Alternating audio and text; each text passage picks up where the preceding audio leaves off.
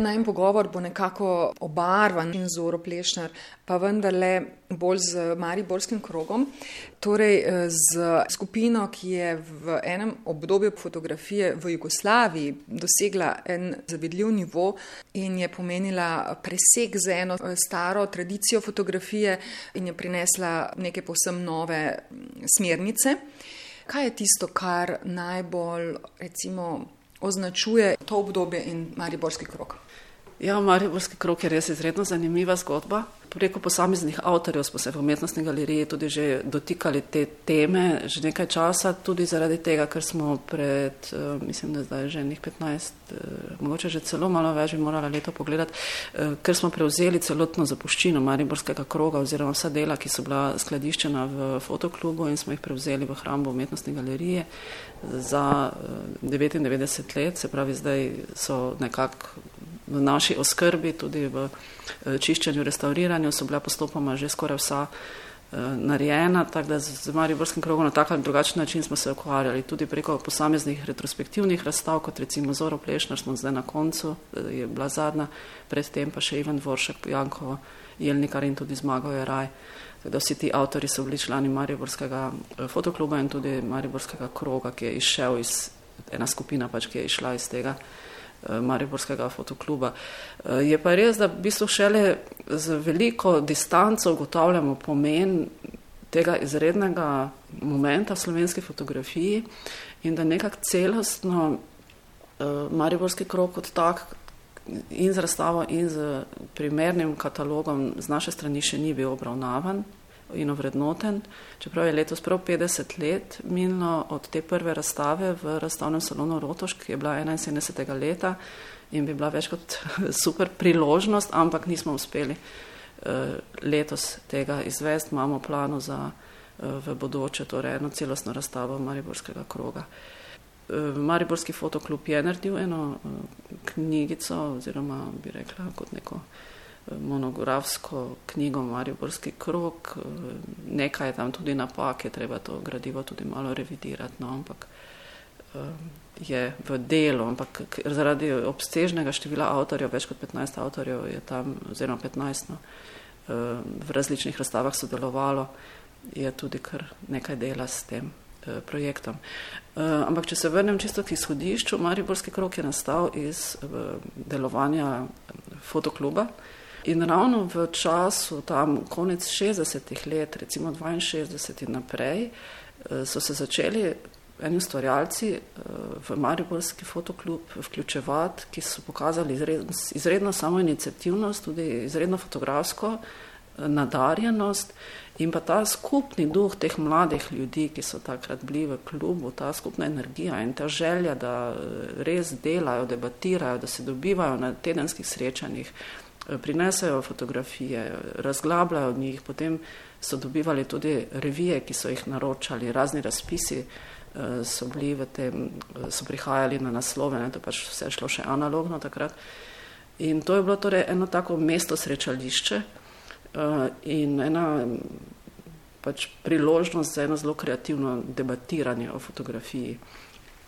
In preko tega tedenskega srečevanja in razglabljanja in od tega Eh, je prišlo tam konec 60-ih eh, let, recimo 69 ali pa v začetku 70-ih let, do enega tako odločilnega momenta, ko je ta moment te eh, drugačnega pogleda na fotografijo dobil že toliko nekega pospeška, ko so tudi posamezni fotografi že pripravljali samostojne razstave, recimo Zmago Raj ima tako razstavo, Ivan Voršek pa Peter Lešnik sta imela eno tako razstavo, pol Janko Jelnikar tudi, ki so že kazali te nove tendence. In je bilo že toliko tega momenta, da so oni sklenili, da bodo pa zdaj um, pokazali to, ta nov pogled na fotografijo na eni skupinski razstavi. In zdaj zanimiv je povod, ki pač tako je bilo meni povedano, um, tako sem z različnih virov to nekako skupaj sestavlja in ko sem še imela priložnost govoriti tudi s takrat še živečim Jankom Jelnikarjem, on je uh, prinesel enega dne pač na to srečanje fotografijo um, brez glavi človek oziroma človek brez glave.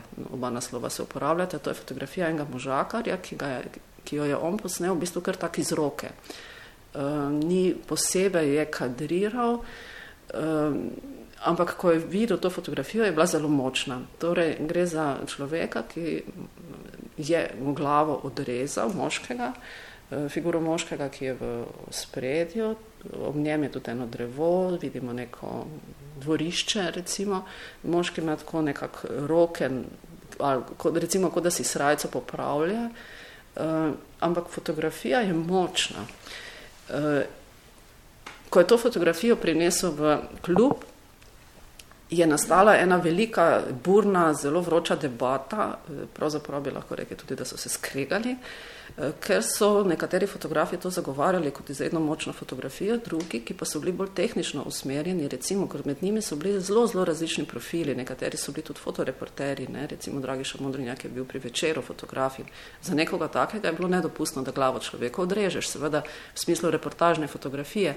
In so se tam mnenja strašno kresala in Janko Jelnikar mi je rekel, da je takrat šel v solzah domov, tako ga je to, vsa, vse to, kar je pač se tam zgodilo, prizadelo. Ampak to je bil očitno en povod, da so oni videli, da je ta fotografija tako močna in da zbuja neka močna čustva tudi in da prinaša nekaj tako novega, da bi bilo odlično, da bi oni te nove tendence pokazali na eni skupni razstavi.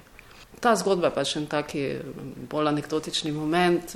Verjamem, da je res, ker so se tudi ohranile eh, potem fotografije pri, eh, pri Dragiši Modrinjaku doma, ki je bil takrat eh, predsednik fotokluba, kako štirje najpomembnejši, mislim, tisti, ki so bili recimo vodilni takrat, se pravi Zmago Raj, Janko Jelnikar, Branimir Jrnejič, ta je bil Zagrebšk, iz Zagreba takrat, je tukaj živel, in pa Ivan Dvoršak, ti štirje, kako sedijo pri eh, Modrinjaku doma in z vsak z velikim kupom fotografij v naročju pregledujejo eh, in mislim, da je to ta prvi začetki, da so to pogovoro o tem, kako bi to razstavo organizirali.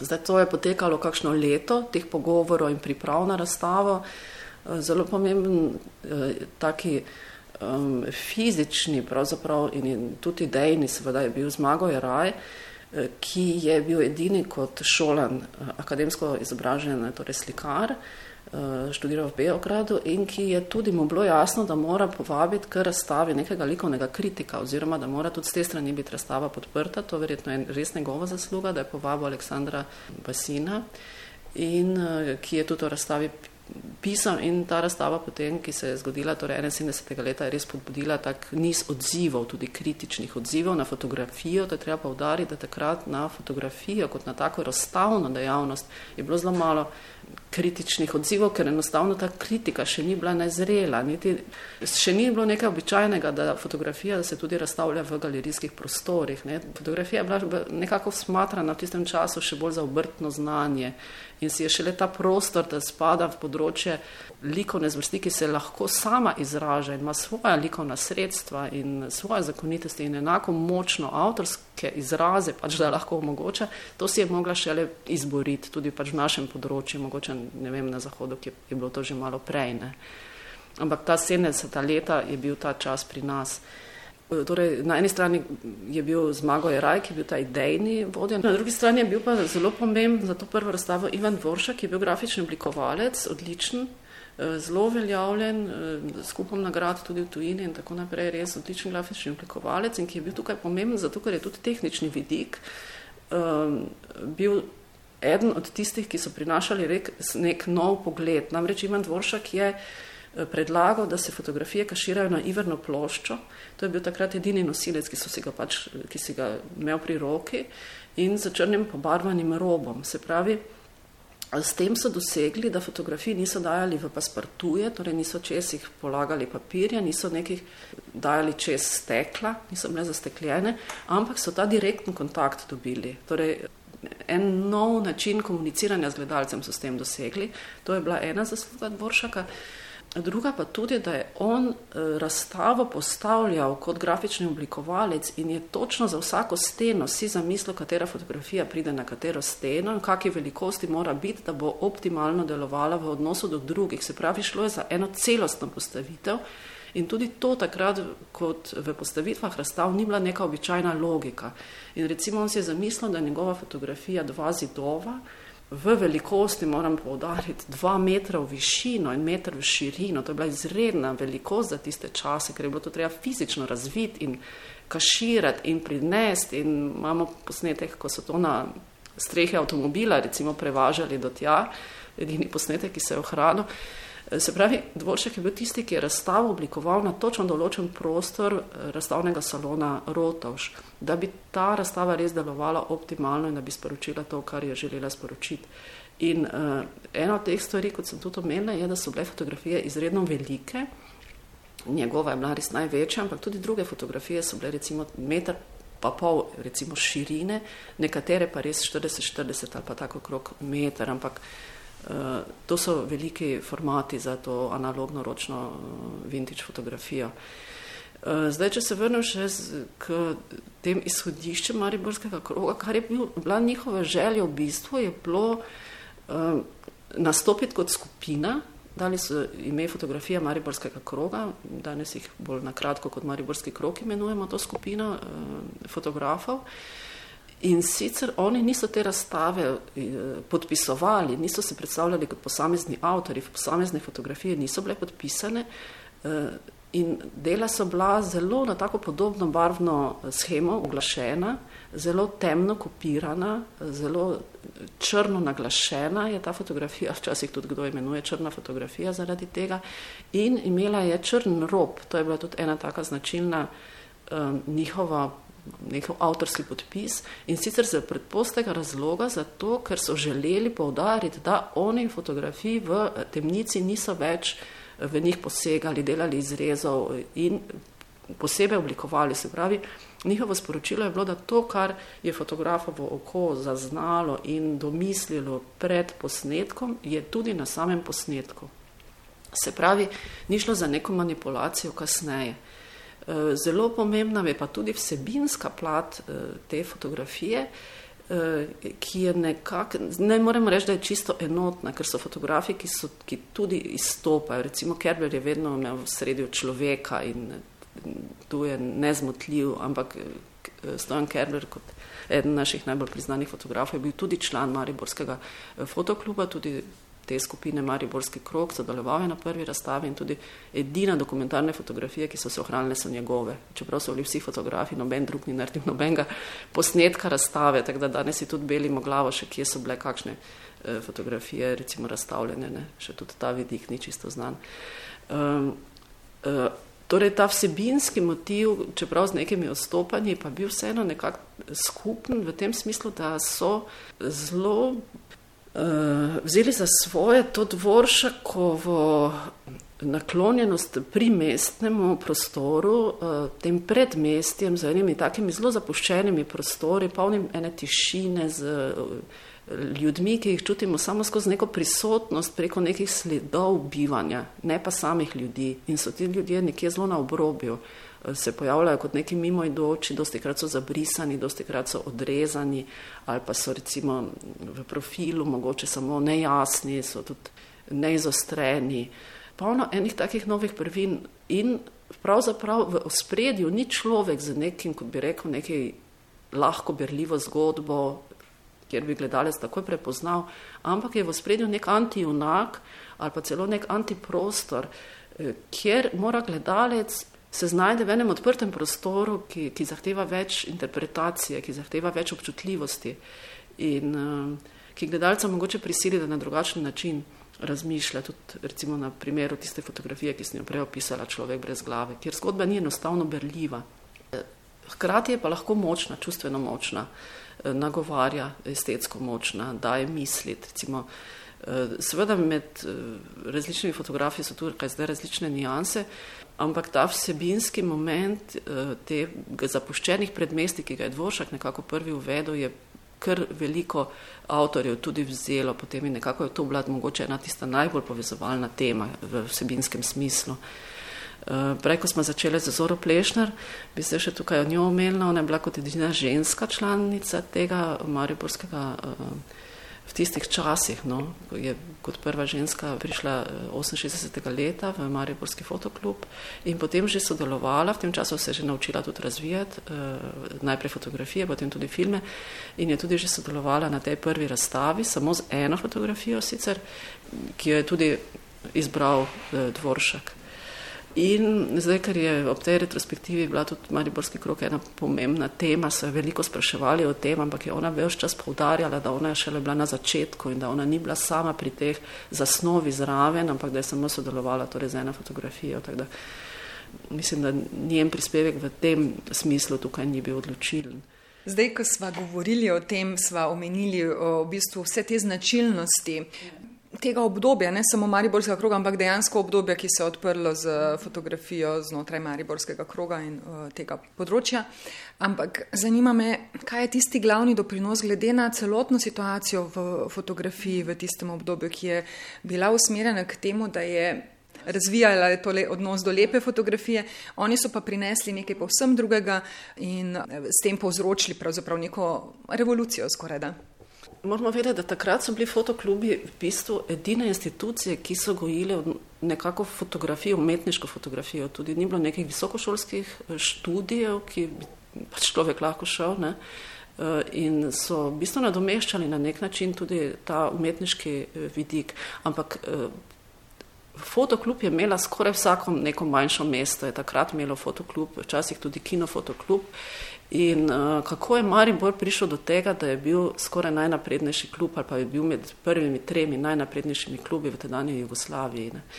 Prav po zaslugi teh ljudi, ki so bili taki entuzijasti in ki so toliko sodelovali tudi z razstavami in z dejavnostmi na tem področju in za seveda svojimi drugačnimi pogledi na fotografijo, ker vsi ti fotoklubi so gojili večinoma to, kar bi rekli, to lepo Torej, to tradicijo te zapuščine 19. stoletja, ki je pač htela ujeti neke lepe prizore, neke sončne zahode, neke, neke lepe portrete v, takih držah všečnih in takih. Medtem ko ti člani so pa želeli preko fotografije sporočiti svoja odnos do sveta v bistvu in tega, to, kar je sporočalo tudi slikarstvo, te spremembe, ki so šle v slikarstvo, ki so šle, ne vem, z novim odnosom do figure, z novim odnosom do prostora, do barve, z novimi tendencami, kot jih je recimo Oho prinašal v naš slovenski prostor. Nekaj takega so želeli in tudi recimo Lampič, ko piše o tem, govori, da so nekaj takega tudi ustvarili, kot je recimo stvar Oho. Se pravi, šlo je za eno zelo, ja, zelo modernistično in zelo avantgardno, zelo avantgardno pristop k sami fotografiji. In kaj je njihov širši doprinos? Mislim, da je ta doprinos zelo odmeval. Eh, če grem po vrsti, bi rekla, da ta razstava, ki so jo potem pripravili v razstavnem salonu Rotoš leta 1971, je sprožila zelo burne odzive. Recimo Aleksandr Basin, ki so ga povabili k, kot kritika k tej, eh, da, bi, da je pač prisustvoval, je napisal, da je šlo za odločiln res v slovenski fotografiji, ker je iz ta res pomeni ravno to prehod iz te lepe fotografije do neke avtorske fotografije, ki eh, sporoča lastno osebni pogled na to, kje živim, na kak način živim, kako se počutim v tem svetu. In ene bivanske teme pravzaprav prinaša tudi v fotografijo in odnos do sveta in do samega medija. Eh, polno enih novosti, ki, jih, eh, ki so jih prinašali. In um, moram še to reči, da Mariborski fotokrup je bil v tem času um, v, na lestvici Fotografske zveze Jugoslavije, ker vsaka uh, razstava se je točkovala, vsak, vsaka nagrada se je točkovala in vsak avtor, ki je sodeloval na razstavi in tudi klubi so bili točkovani.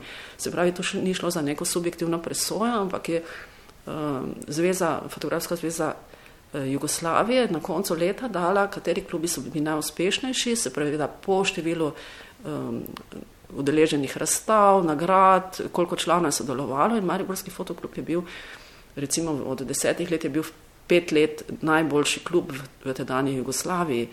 To je v 70. in začetku 80. let, ravno v tem času, o katerem govorimo, začetek 70. let. Se pravi, je bilo vidno, da tukaj nastaja res nekaj novega.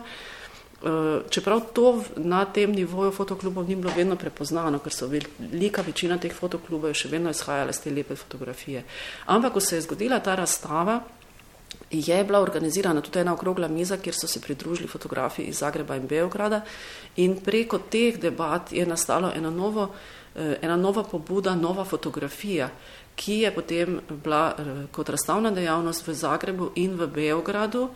Eh, to je ena taka in tudi začelo se je, kot sem prej že rekla, pisati o fotografiji, kritični odzivi so bili na fotografijo, se pravi, začel se je en teren, dobesedno orad, da je fotografija bila prepoznana tudi kot likovna zvrst, ki enako kot druge likovne zvrsti, recimo slikarstvo, je sposobna reflektirati tedanji čas.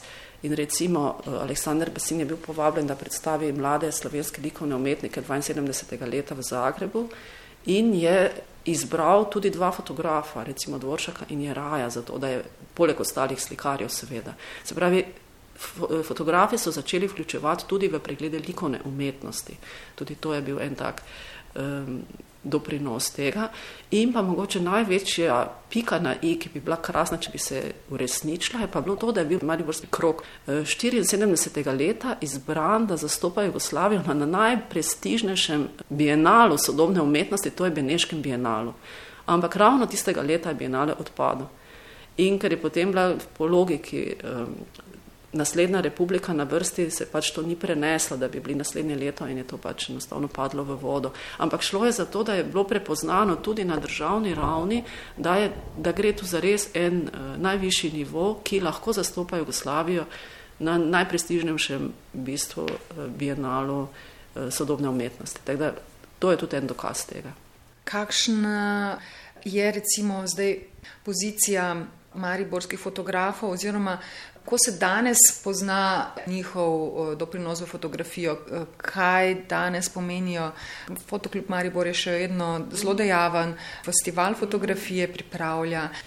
Ja, jaz bi rekla tako, po eni strani bi, bi rekla, je pomembno, da so ti fotografi takrat v Mariborskem fotoklubu te generacije bili tudi mentori mlajšim generacijam. Recimo Ivan Vrša konkretno je bil z veliko um, fotografom, začetnikom, ki so prihajali v fotoklub mentor. On je bil, bil vse čas tam in bil neprestano zraven pri, dal na svete, nevsiljive, pomagal razvijati, pomagal razstave postavljati kot grafični oblikovalec, pomagal kataloge, ne vem, vse te stvari. To je šlo tudi naprej. Eh, bil je v povezavi z Aleksandro Vajt, eh, ki je bil na začetku mentor in z tudi eh, Matjažem Venclom je bil v eni povezavi, se pravi, sta imela redne stike, zdaj tu ne morem reči o nekem direktnem vplivu, ampak vsekakor o nekem človeškem vplivu in kot mogoče nekemu mentorju, takemu mentorskem vplivu.